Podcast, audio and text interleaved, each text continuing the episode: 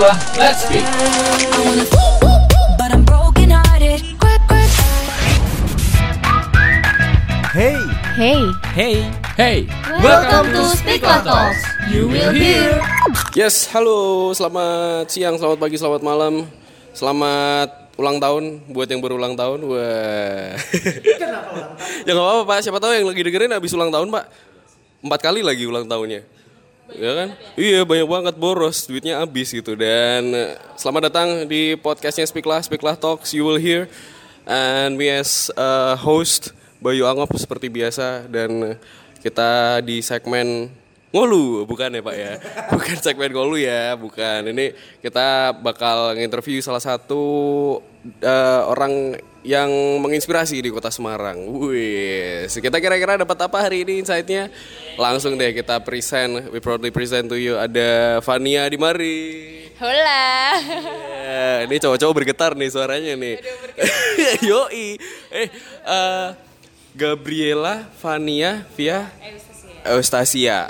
Eh, sekarang sibuk ngapain? Sibuk kuliah, terus terus promosiin wisata dong, kalau itu pasti dong. Terus apa ya? Sibuk apa nih? Tugas-tugas kuliah sih, semester 5 mulai menumpuk. Oke, tapi tapi kalau kalau ngomongin soal dirimu kan Deno Kenang ya, Iya. juara satu iya.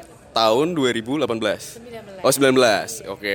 Tapi sebelum sebelum jauh sebelum itu nih, kalau eh, dikulik nih, Vania tuh dulu, dulu sebelum ada di titik ini tuh ngapain aja sih? Sebelum ikut Dino Kenang ya? Yoi. Aku mahasiswa kupu-kupu jujur. Tapi sambil ini sih, maksudnya aku kupu-kupu tapi fokus sama kuliah aku. Emang Oke. karena aku suka di public relation, jadi ya aku fokus di situ dan Eh. banyak kayak Pak tuh sempat ikut kompetisi juga Mhm. di Bandung. Terus abis itu apalagi ya ya belajar tentang public relation lebih fokus ke kuliah itu Hmm. lebih ke situ. Oke, tapi memang memang dari awal tujuannya ke public relation atau gimana? tujuannya ke public relation sih karena emang dari SMA tuh kayak di organisasi emang kehumasan itu bener-bener membuat aku tertarik gitu. Ah, Oke, dari jadi sebenarnya dari dari dulu udah tahu arahnya mau ke mana kamu ya? iya dong tahu dong arahnya ke mana harus jelas ya kan iya gitu. Oke, eh, tapi kalau misal ditanya, kamu kan juga nyanyi juga nih, gitu kan? Mulai nyanyi kapan? kalau mulai nyanyi dari lahir udah wewe nyanyi kali ya. Entah. apa?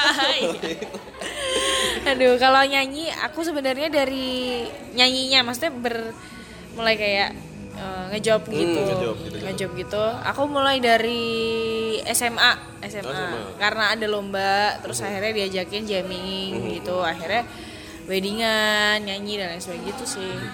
Tapi balik lagi ke PR tadi sih, ini menarik banget gitu. Karena nggak banyak anak-anak SMA tuh udah mulai tahu arahnya ke mana dan spesifik lagi ke PR. Apa sih yang ngebuat kamu akhirnya seneng gitu? Maksudnya sampai decide buat, oh aku mau ke PR nih gitu. yang membuat aku memutuskan untuk ke PR tuh karena memang kalau dari SMA kan aku di organisasi. Di organisasi dan aku berpikir bahwa aku emang langsung dimasukin ke divisi humas dan nah di divisi itu aku berpikir emang maintenance relationship tuh yang paling susah. Hmm. dan Iya sih asli soalnya banyak yang putus juga kan maintain relationship kan, ya kan? aja tapi sama teman kerja juga bisa putus hubungan. nah itu yang berbahaya sebenarnya. Kayak saya kandas mulu sama kayak dia. Maka- itu pak, maintain relationship, kandas mulu. Oh iya iya. Iya kan, ini di sini juga ada Fadel Karnen nih. terus terus. Jadi apa namanya kayak misalkan kita nih uh, maintain relationship kan susah banget. Hmm. Nah aku berpikir ketika kenapa kok pengen PR ya? Karena memang hubungan itu yang akan membawa kita ke masa depan gitu loh. Kita nggak akan pernah tahu kanan kiri kita sekarang siapa. Ba- besok bisa jadi bos kita, besok bisa jadi jodoh kita mungkin kayak gitu kan. Jadi emang maintain relationship yang jadi fokus aku oh PR itu nanti arahnya ke sana. Sebenarnya fokusnya adalah relasi teman gitu. Gimana kita punya kepentingan pribadi tapi kita tetap bisa berhubungan baik dan itu susah.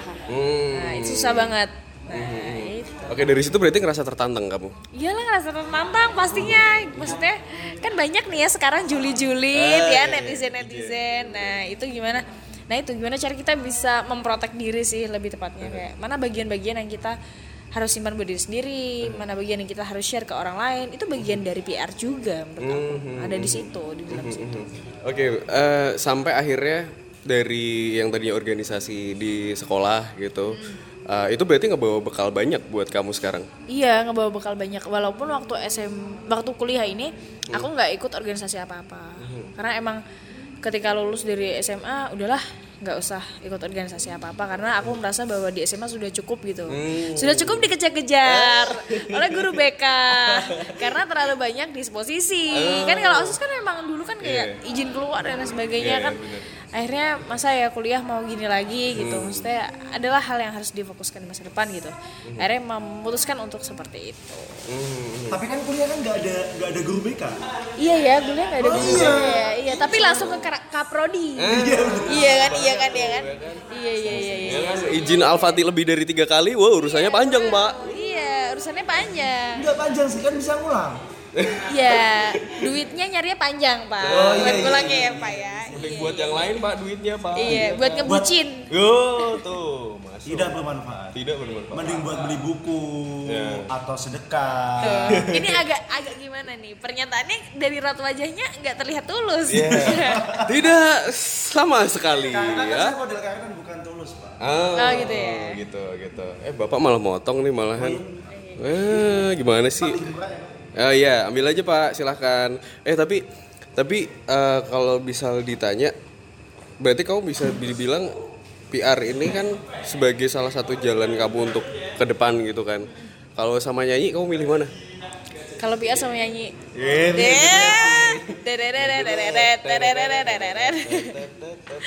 Pilih mana ya kalau PR sama nyanyi? Kalau nyanyi itu jujur itu hobi. Hobi, Ya memang ya talenta dari Tuhan yang memang harus kayak dikembangkan terus gitu loh.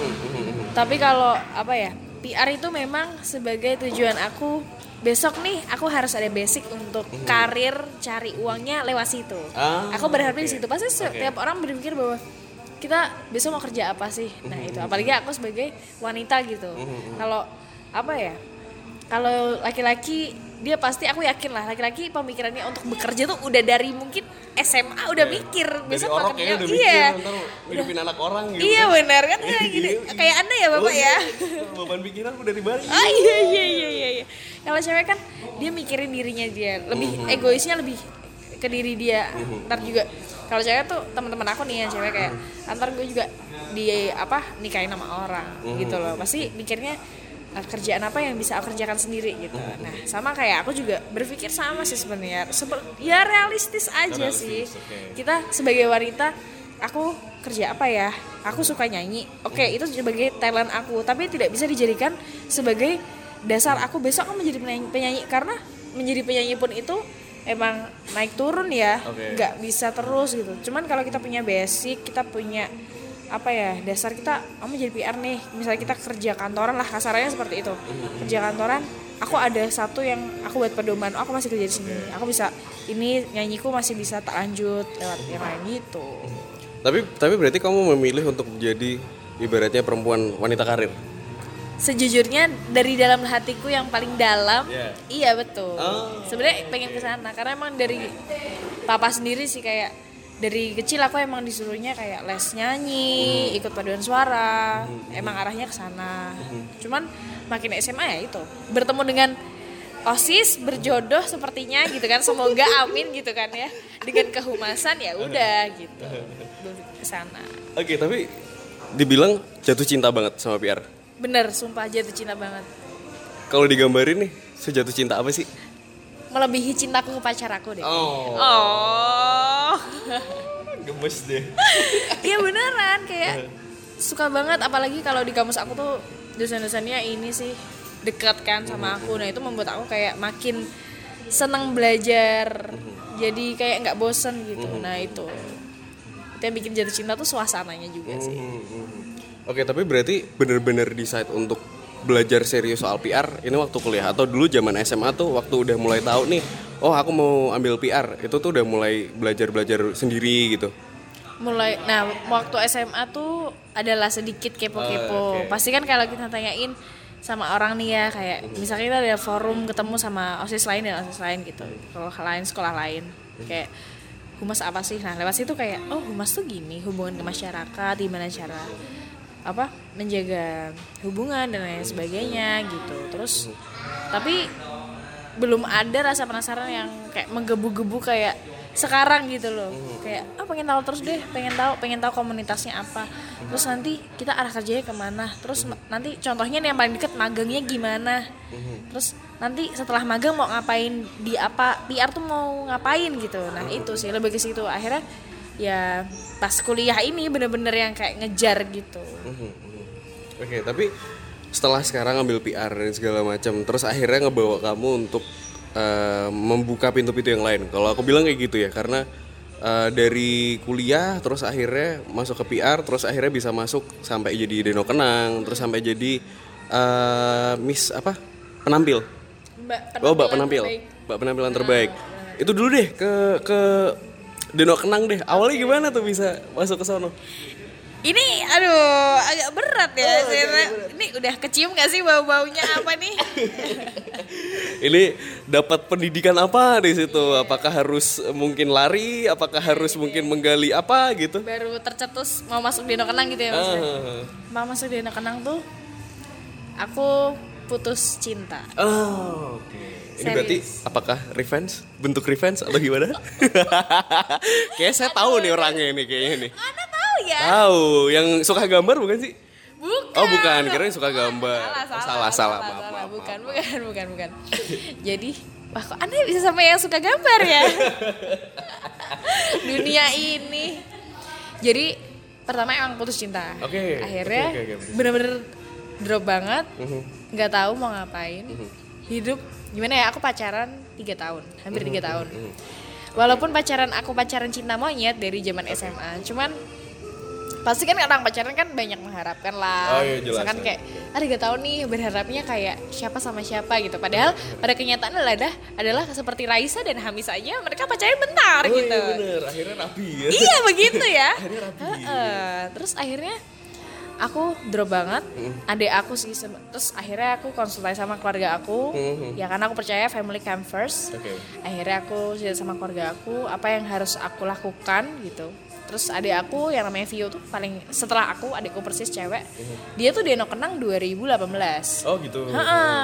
Dia 2018 eh, juara sat- harapan satu. Mhm. Terus habis itu dia kasih melihat aktivitasnya dia kan begitu banyak ya. Mhm. Dan adik aku adalah tipe yang introvert banget Oke. dulu. Hmm. Ketika masuk di anak kok anak ini jadi ekstrovert. Anak ini jadi bisa bersosialisasi. Oke, gitu. oke, oke. Nah, aku melihat satu perubahan di hidupnya dia yang membuat aku kayak apa nih gitu loh. Hmm, Nah, balik lagi karena dari SMA aku kok suka tentang kehumasan itu. Oke. Nah, Suka iya. interaksi sama orang ya. Nah benar. Nah lewat dari situ aku akhirnya adik aku bilang gini, udahlah mbak daripada kamu diem terus di rumah, kamu daftar aja di anak Gak apa-apa iseng aja daftar.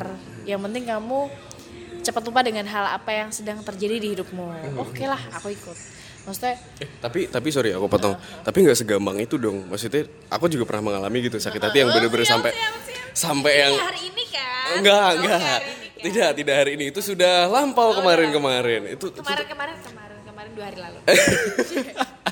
maksudnya aku pernah ngerasain juga di mana kayak waktu sakit hati itu bener-bener yang ogah mau ngapa-ngapain gitu. Iya, even even sampai sampai udah dikasih apa ya ibaratnya input inputan sama temen lah ini lo coba untuk ngelakuin lebih produktif ubah energinya jadi lebih energi yang positif. Cuman tuh nggak segampang itu gitu loh. Jarkoni ya? Iya, jarkoni gitu loh. Ah, sampai mau bergerak itu loh. Apa sih yang ngebuat kamu akhirnya mau sampai bergerak gitu? Yang buat aku akhirnya bergerak tuh apa ya rasa yang kayak kecewa. Kecewa, oke. kecewa yang sangat dalam gitu. Nambah diselingkuhin. Waduh waduh waduh waduh. Oh, saya mohon maaf ya jika anda mendengar bukan saya berbicara barusan oke? Ah, Oke, oke, oke, oke. tapi iya nih kayaknya nih. Iya iya iya iya iya iya iya. Udah kejawab iya iya iya iya iya. Ya udah akhirnya emang berat sih jujur jujur berat banget karena ada satu yang hilang dari kehidupanku yang Oke. biasanya setiap hari ada selama tiga tahun kan Oke. Terus- Saya aja yang satu tahun setengah aja udah berat banget. Nah tuh rasain deh tiga Iya, tahun kayak apa enak-enak dah tuh ya. Nah, terus abis itu sama si eh sama adik aku ini si Vio Hmm. ini dia ngomongin aku nggak sekali Hmm. berkali-kali kayak kamu ngapain sih mbak ngeliat ke langit-langit doang itu aku sampai lihat-lihat ke langit doang ngapain gitu aku kan cuman ngapain ya gitu Eh. di, di rumah udah malas hawanya tuh udah kayak udahlah malas lah bahkan aku sempat kayak apa eh, kayak badannya nggak fit kan Oh, sempet oke. kayak drop gitu Oke. terus papa mamaku juga mesti kan orang tua perhatian ya sama anaknya nanya Iya. kamu kok kayak gini kenapa gitu Sampai nulis-nulis status juga nggak? ya enggak dong Atau atau yang main nyilet-nyiletin Eh, tangan? enggak dong, itu Enggak ya, jangan dong, jangan, gitu jangan, jangan, ya, jangan, jangan, bahaya, bahaya, Hmm, itu parah, jangan. Aku udah akhirnya itu sebulan proses Hmm. untuk memantapkan hati daftar Deno Kenang itu sebulan. Hmm. Aku pikirin terus perlu nggak ya, perlu nggak ya, apakah hidupku akan berubah Hmm. atau akan sama aja, atau aku akan menjadi dampak buat orang. Yang aku pikirin adalah jadi dampak orang lain apa enggak Oke. nih, aku pikirin gitu.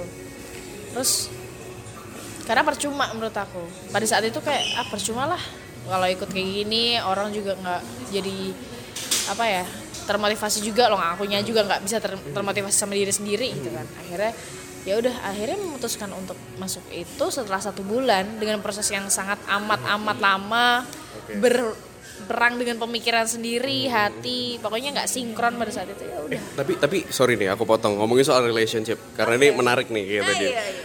Tadi kan kamu sampai ngerasa sakit badannya sakit deh. Iya, Gitu.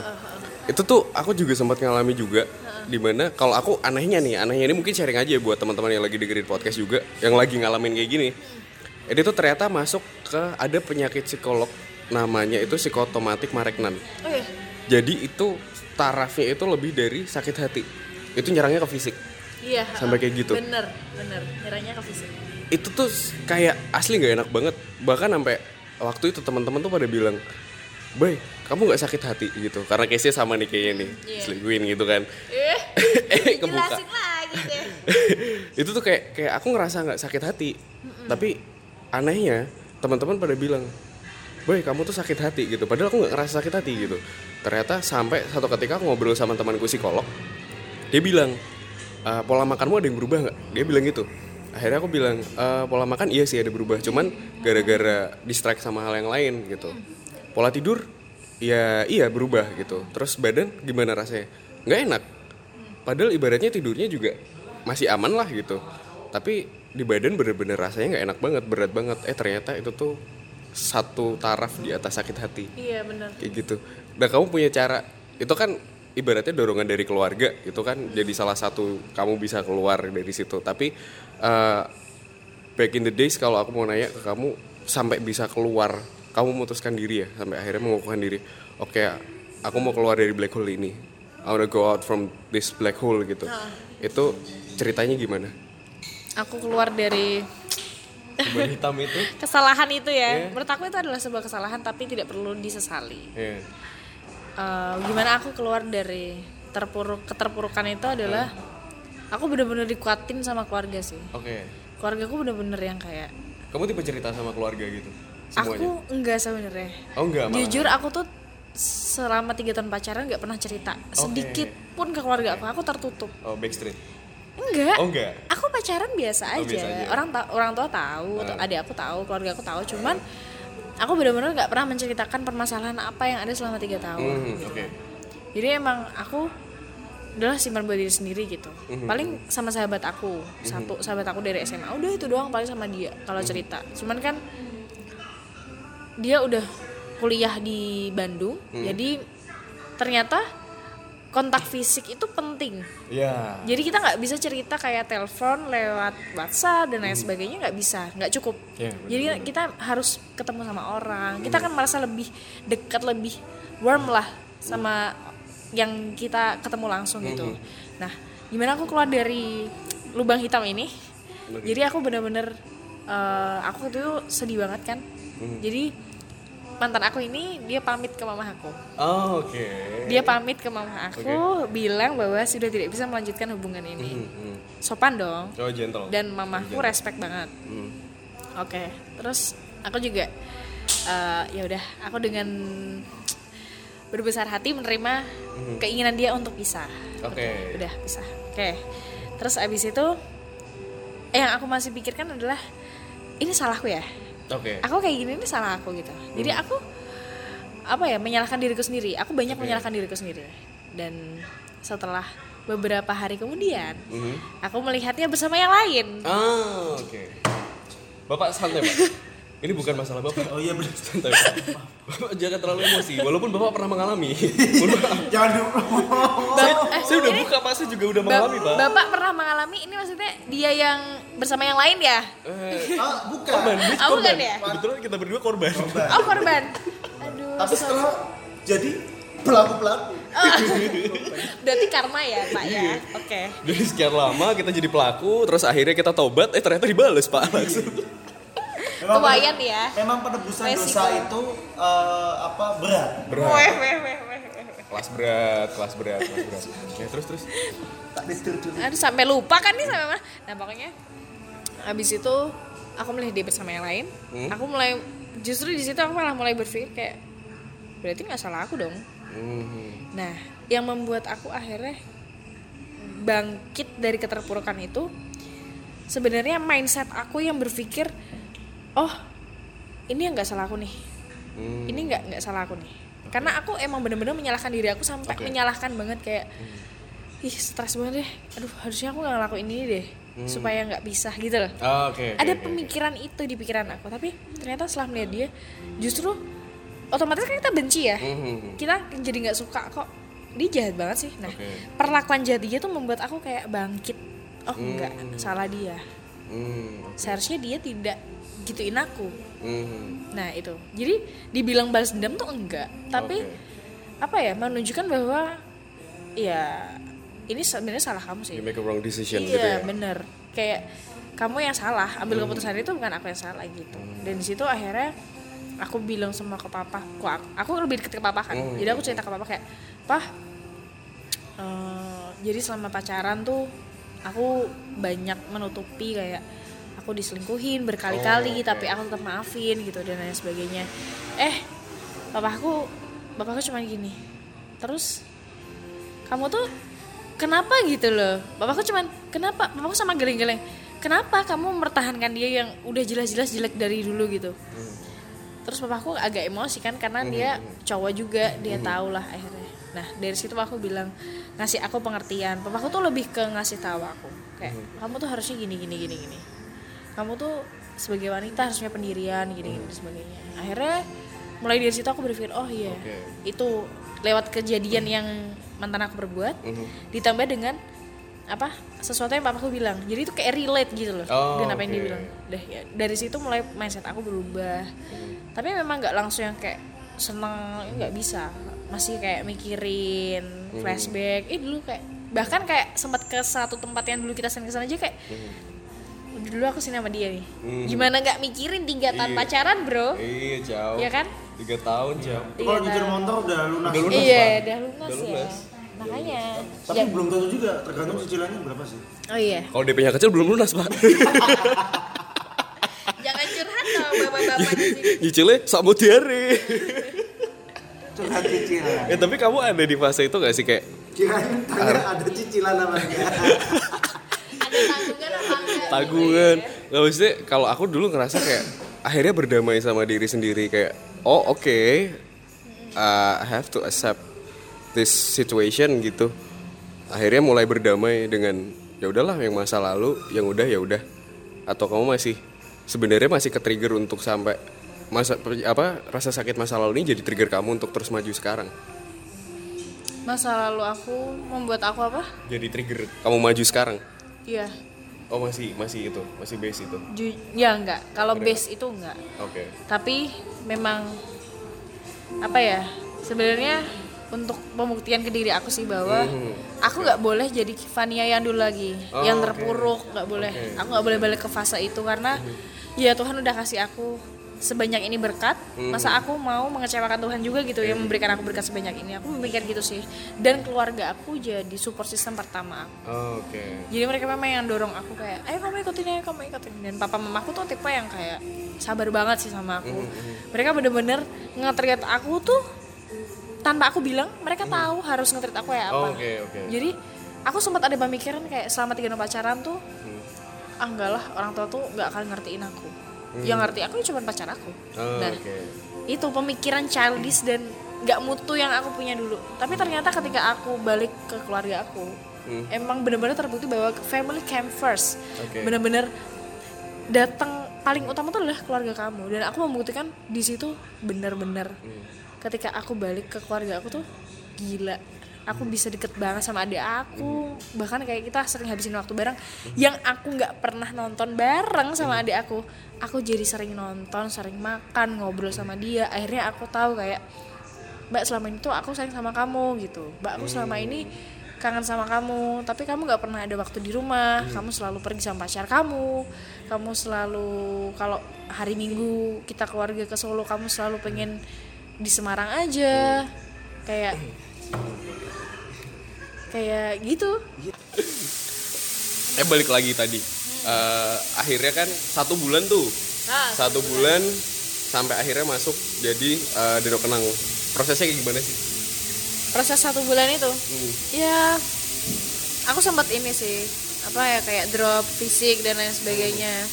Bahkan aku sempat kayak ke dokter juga. Papa aku sih kayak udahlah karena emang aku ada kayak sakit pernafasan gitu kan. Oke. Nah itu yang nah itu yang tadi bilang. Bukan bukan asma asma.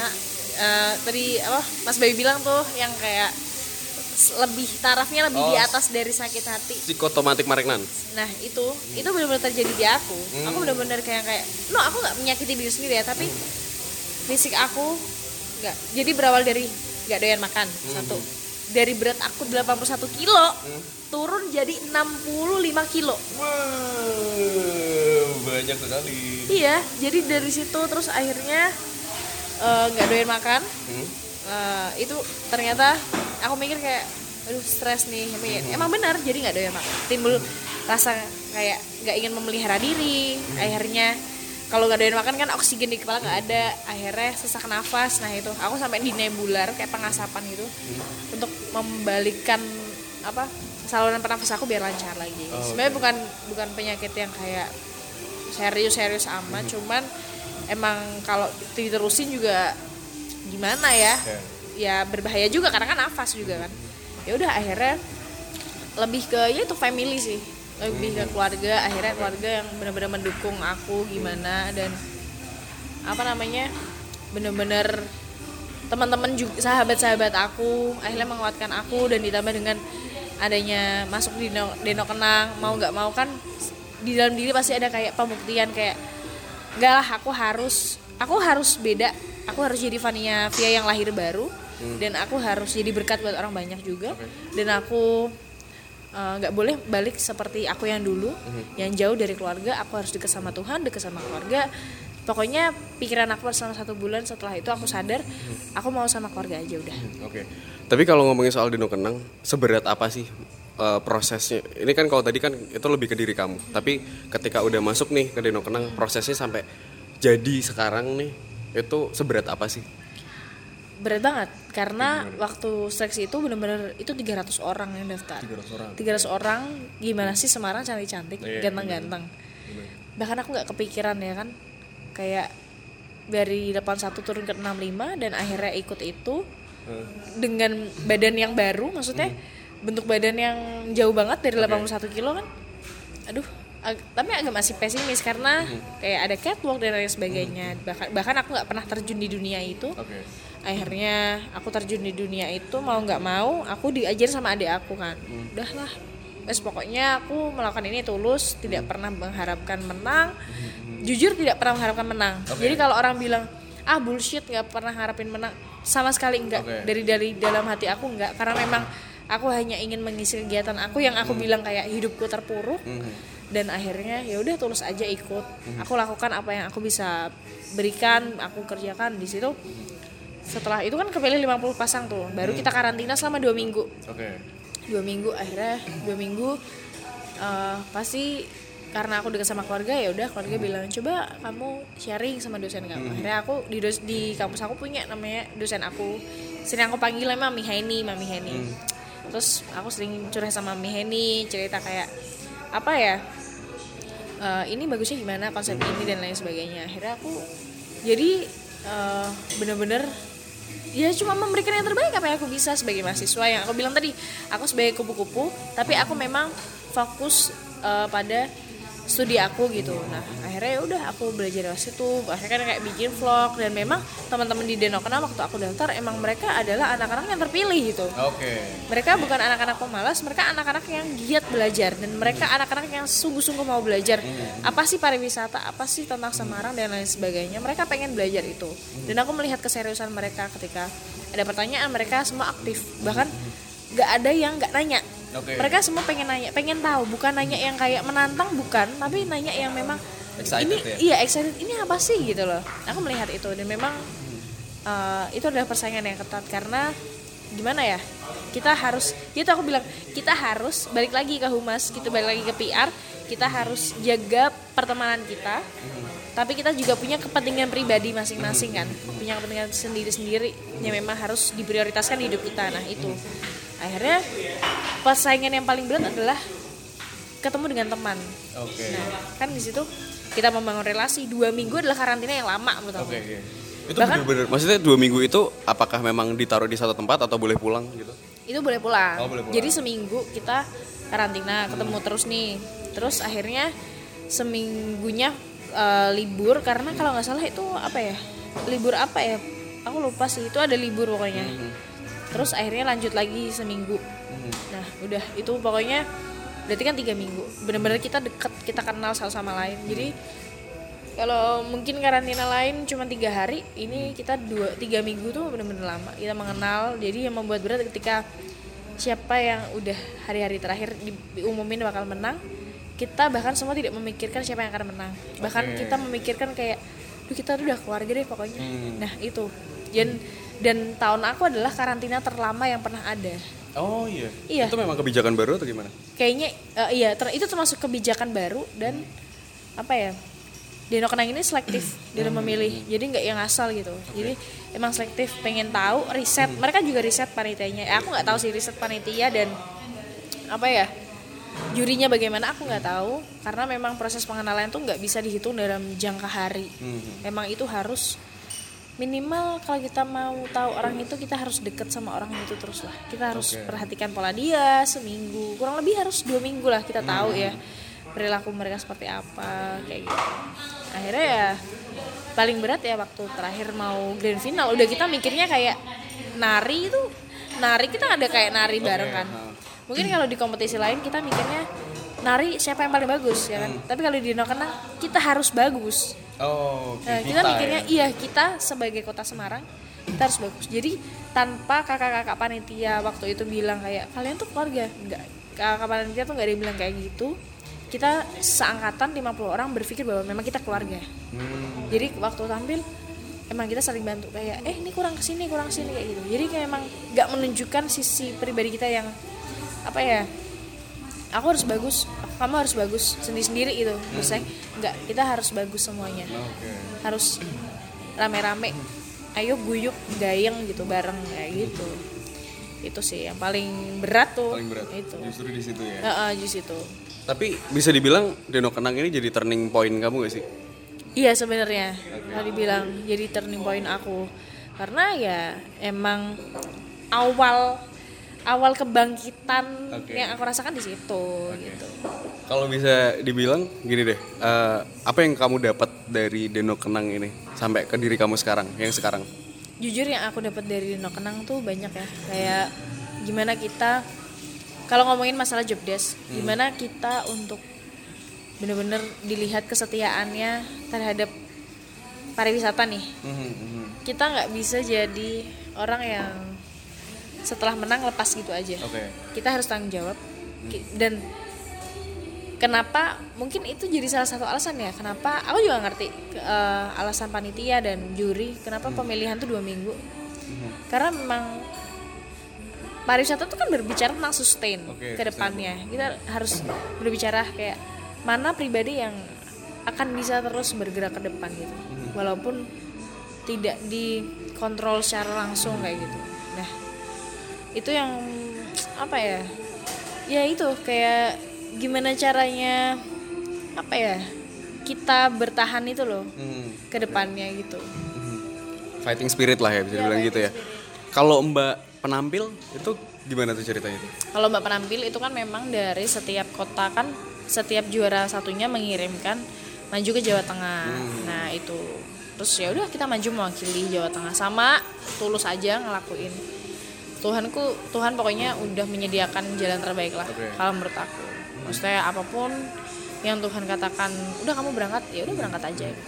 Dengan apa yang sudah kita pelajari apa yang harus kita lakukan I think memang God is the best way sih. Kalau ketika apa ya kita harus kayak aku kemarin maju ke Mas Bajateng tuh ya udah aku mah nggak ada pikiran kayak apa apa lakuin aja. Nggak mematok kayak harus juara satu dan lain sebagainya. No no ambisi sama sekali. Ya udah ketika diumumin mbak penampilan terbaik orang-orang sempat tanya sama aku kok nggak juara satu? Emang kenapa gitu? Maksudnya dengan pertanyaan itu kan kenapa? Gitu kan. Maksudnya juara tuh emang juara satu harus menjadi patokan gitu. Menjadi patokan kesuksesan kita. Enggak Tuhan taruh kita sukses di mana-mana aja suka. Di mana aja bisa. Kalau jodohnya besok jadi eh, ini nih ya udah mau sekarang di mata orang gagal pun kalau Tuhan udah tentuin A ya A aja. Nggak akan gimana gimana gitu Ya, tapi kalau misal ditanya untuk tugas tugas jadi seorang denok kenang, kau berarti kenangnya ya? Kenang- oh denok, oh sorry, mohon maaf. saya saya saya nggak tahu pak, asli pak, pengetahuan saya nol. kenangan Oh iya kenangan mantan, ya padahal sudah selesai. Eh tugasnya itu berarti ngapain sih? Untuk promosi pariwisata atau misalnya ada tugas lain juga? ada kalau tugas fokus utamanya adalah pariwisata karena memang kita di bawah em, Dinas pariwisata. dinas pariwisata tapi untuk job job desk lain yaitu yang aku bilang tadi. Memang gimana caranya kita untuk sustain ke pariwisata. Jadi memang apa ya lewat apa pribadi kita. Jadi nggak cuman kayak waktu nugas aja kita ditanyain tentang pariwisata mudun tapi pasti apa ya lewat hal-hal lain lah. Misalnya contoh paling simpel adalah sosial media sih sebenarnya. gimana kita caranya mempromosikan pariwisata? Kan sekarang pariwisata nggak bicara tentang tempat-tempatnya doang. Bahkan berbicara tentang apa ya event-event yang ada di kota Semarang itu juga jadi pariwisata gitu. Oke. dan fasilitas apa yang ada di kota Semarang itu pariwisata. Downtron yang baru di depan gedung Mandaran itu Oh, iya. menjadi salah satu penarik daya tarik untuk wisatawan yang ada. Dan itu pariwisata tuh luas gitu. Mau ke mana-mana aja bisa sebenarnya. Orang sekarang kalau kita ada acara musik juga pastinya kayak kemarin ada di Pantai Marina itu juga bahkan kita nggak pernah berpikir bahwa Semarang bisa mengadakan konser di Pantai Marina gitu. Pantai yang orang dulu kayak underestimate sebuah tempat itu gitu loh. Bahkan kota lama yang dulu orang bilang ah elah cuma kota lama di mana-mana juga ada kota tua ini segala macam. Tapi ternyata mereka ta- ngomongin tentang pariwisata memang harus ada unik di situ. Nah memang dibilang job desknya apa sih selain jadi guide selain jadi promotor apa ya? Kita sebagai generasi milenials ya. Maksudnya harus mulai punya pemikiran yang berbeda yang unik. Sama seperti pariwisata punya pemikiran punya sesuatu yang unik. Kita sebagai Deno Kenang punya sesuatu yang unik yang harus ditawarkan ke masyarakat secara luas gitu. Nggak usah jauh-jauh ke temen aja ke followers kita yang ada di Instagram. Apa sih? Orang pasti melihat dong kayak oh orang ini tuh kontribusinya apa nah lewat dari situ orang bisa menilai tanpa kita harus membuat me- kayak menyuruh mereka oh aku tuh ini loh aku tuh ini tanpa kita harus cerita orang harus orang udah tahu kita siapa lewat situ gitu Menikmati so far? menikmati senang banget seru soalnya Ini berarti hal yang sama ketika kamu kayak ngelakuin PR aja di situ ya? berarti? iya karena emang PR public relation branding itu memang ada semua sih maksudnya nggak di pariwisata aja di semuanya di semuanya tuh bisa diterapkan gitu mau nyanyi juga kita butuh Sama branding. Iya, misalnya branding butuh gimana sama orang lain ya dong. Kalau nggak ada relasi juga bisa kerja. Ya, nah, betul iya kan bener. betul, betul. Itu. Tapi kalau ngomongin, kau kan berarti kan di PR udah udah lama lah ibaratnya gitu ya dari SMA terus sampai sekarang udah ya hitung-hitung udah beberapa tahun lah gitu. Tapi untuk mungkin teman-teman di luar sana pendengar Speaklah Speaklah Talk ini yang pengen masuk ke dunia PR apa sih dasarnya yang harus mereka punya? Dasar harus masuk ke PR, percaya diri sih. Iya, percaya diri itu bener-bener menentukan kamu loh. Ketika kamu nggak percaya sama diri kamu sendiri, ya kamu nggak akan bisa growth menurut aku. kamu harus percaya dulu kamu mau ke mana kamu tentukan dulu goals kamu apa dan nanti akan kebuka dengan sendirinya nanti ada sesu, pasti ada sesuatu yang kayak aku udah yakin nih kayak gini. Dan jangan lupa dibawa dalam doa. Selalu setiap cita-cita apa yang ada dalam ki- diri kita harus dibawa dalam doa. Biar Tuhan tuh denger apa yang jadi kerinduan kita gitu. Kalau kita nggak ngomong Tuhan pun nggak tahu gitu. Walaupun Tuhan tahu isi hati kita tapi tapi Tuhan pun nggak bisa yakin bahwa ini anak tuh sebenarnya maunya apa gitu kan. Kita harus nyatakan itu dalam perbuatan kita sehari-hari. Oh kita mau jadi PR ya lo jangan kuliah teknik sipil gitu. ya kan? Nggak nggak nyambung dong. Kagak nyambung. Iya, kalau mau itu ya kamu harus sesuaikan dengan apa yang ada. Bukan bukan berarti teknik sipil tidak bisa memaintain sebuah hubungan ya, bukan, tapi fokusnya berbeda gitu loh. Masa aku pengennya bangun jembatan gini-gini, masuknya di PR kan nggak mungkin, Bro, kalau kayak gitu. Ya kan ada sesuatu yang manusia tuh kan saling bantu membantu ya. Pasti yang kayak eh, orang bangun jembatan kayak teknik sipil pasti butuh orang PR untuk membantu dia lobbying dengan siapa pun. Nah sama saling saling bantu sih kayak gitu. So what's next? Maksudnya uh, you working as a public relation, um, you sing too, you as a speaker too, ya kan? So what's next? yang akan aku lakukan goals. aku ke depan. Apa ya? Kalau goals aku ke depan aku pengen banget pokoknya sebenarnya simpel banget sih aku pengen banget sebenarnya dari dulu tuh beliin papa mama rumah Oke. Nah, itu yang aku mulai dari Deno Kenang karena memang ngomongin tentang beli rumah. Kalau aku mikir waktu SMA, gue punya apa gitu. Duit enggak punya, kerja enggak punya gitu. Tapi kalau mulai dari Deno Kenang mulai semua terbuka lah. Mulai dari aku bisa nyanyi, bisa dapat uh, jamming nyanyi, jobnya di mana gitu. Mulai dari situ memang meniatkan gak sih aku harus mewujudkan apa yang jadi kerinduan aku pengen beliin papa mama rumah nih. Itu sebenarnya goals aku sih dari awal Deno Kenang. Karena termasuk rasa apa ya yang bisa sebenarnya nggak ada yang bisa menggantikan kasih sayang orang tua dan apa yang mereka sudah keluarkan buat aku gitu. Tapi seenggaknya aku sudah berusaha untuk mencoba untuk membahagiakan mereka lewat situ. Dan itu karena aku ada rasa penyesalan kayak kenapa dulu tiga tahun gue nggak sama keluarga gue aja sih gitu loh. nah itu yang membuat aku kayak kenapa rumah?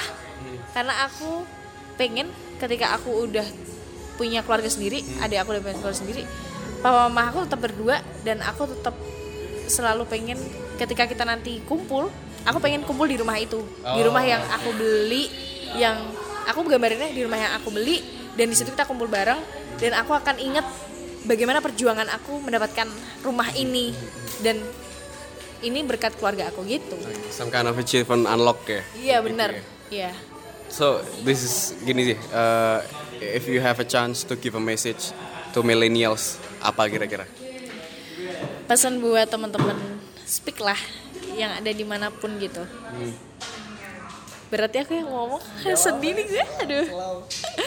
Pokoknya pesan aku tuh kita harus jadi berkat buat siapa pun. Kita harus hidup paling paling penting adalah jadi berkat. Kita harus dekat sama Tuhan jadi berkat dekat sama keluarga. Dan ketika kalian sudah punya keinginan dasar yang kuat dan dasar yang benar di hidup kalian semua akan terbuka dengan sendirinya. Tanpa kalian minta sama Tuhan tuh udah kamu nurut aja. Udah sama kayak kita sama orang tua kita nurut aja. Kita mukanya memelas gitu ya. Kamu mau apa? Orang tua udah tahu. Kayak langsung beliin aja. Nggak usah kita minta. Udah gitu. Jadi pokoknya harus punya keinginan dan apa ya dasar yang baik dan benar sih menurut aku. Setiap apa yang kita lakukan dan jangan lupa selalu bawa cita-cita kalian keinginan kalian dalam doa itu. The power of belief. Iya betul manis. dream believe and make it happen Wah, that's great. well anyway, terima kasih Gabriela, Fania, Via, Eustasia ya. Gabriela itu nama baptis aku Ah, oke. Terima kasih sukses selalu. Kita nanti bakal ngobrol-ngobrol lagi di Speak Lah Talks berikutnya. Thank you for listening, Speak Talks.